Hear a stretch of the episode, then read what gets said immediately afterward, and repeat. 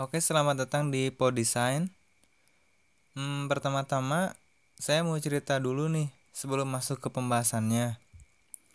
Yang nggak nyangka aja bisa masuk ke Spotify.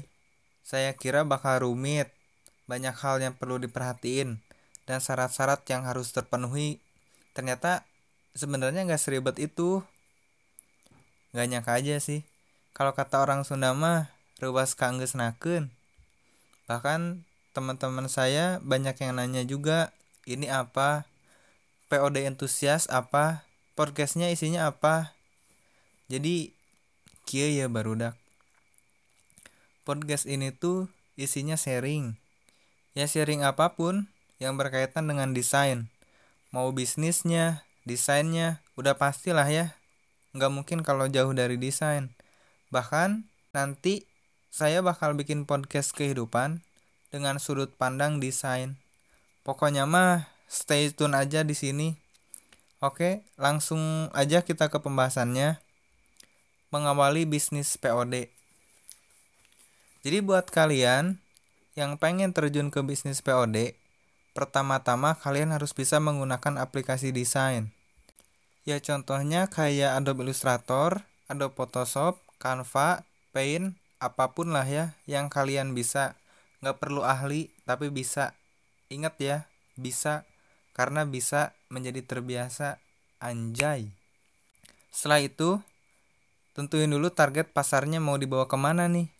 Lokal atau luar negeri? Sebenarnya ada aja sih yang bisnis POD ditentuin sama nisnya bahkan sampai besarin brandnya. Ya contohnya kayak second syndicate yang udah punya ciri khas di desainnya. Karena ini bertujuan untuk orang baru mau mengawali bisnis ini bolehlah main sesuai trending aja biar nggak terlalu pusing tentuin targetnya. Contohnya di bulan Februari tren luar ada apa nih? Kita ambil satu aja Valentine misal. Kita bikin tuh desain yang bertema Valentine entah itu baju couple atau apalah yang berbau-bau Valentine. E, sampai sini paham lah ya.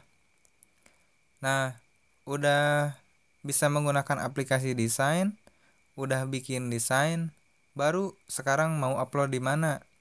Kita ambil satu dulu aja situs POD yang udah terkenal. Udah banyak tutornya, udah banyak dibahas juga di YouTube, di blog, di microblog, Instagram. Kalau di YouTube-nya ada namanya Bung Topek, yaitu Redbubble. Sebelum upload di Redbubble, ada yang harus diperhatiin nih, yaitu bikin akunnya terlebih dahulu.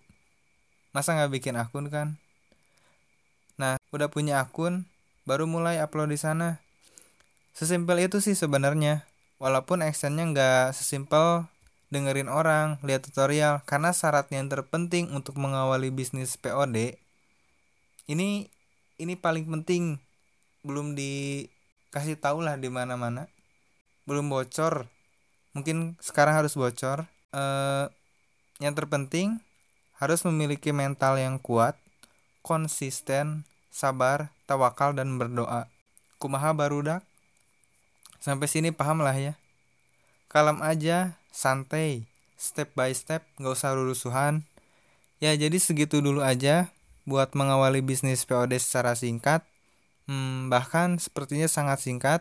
Pokoknya stay tune terus, tetap DPOD entusias.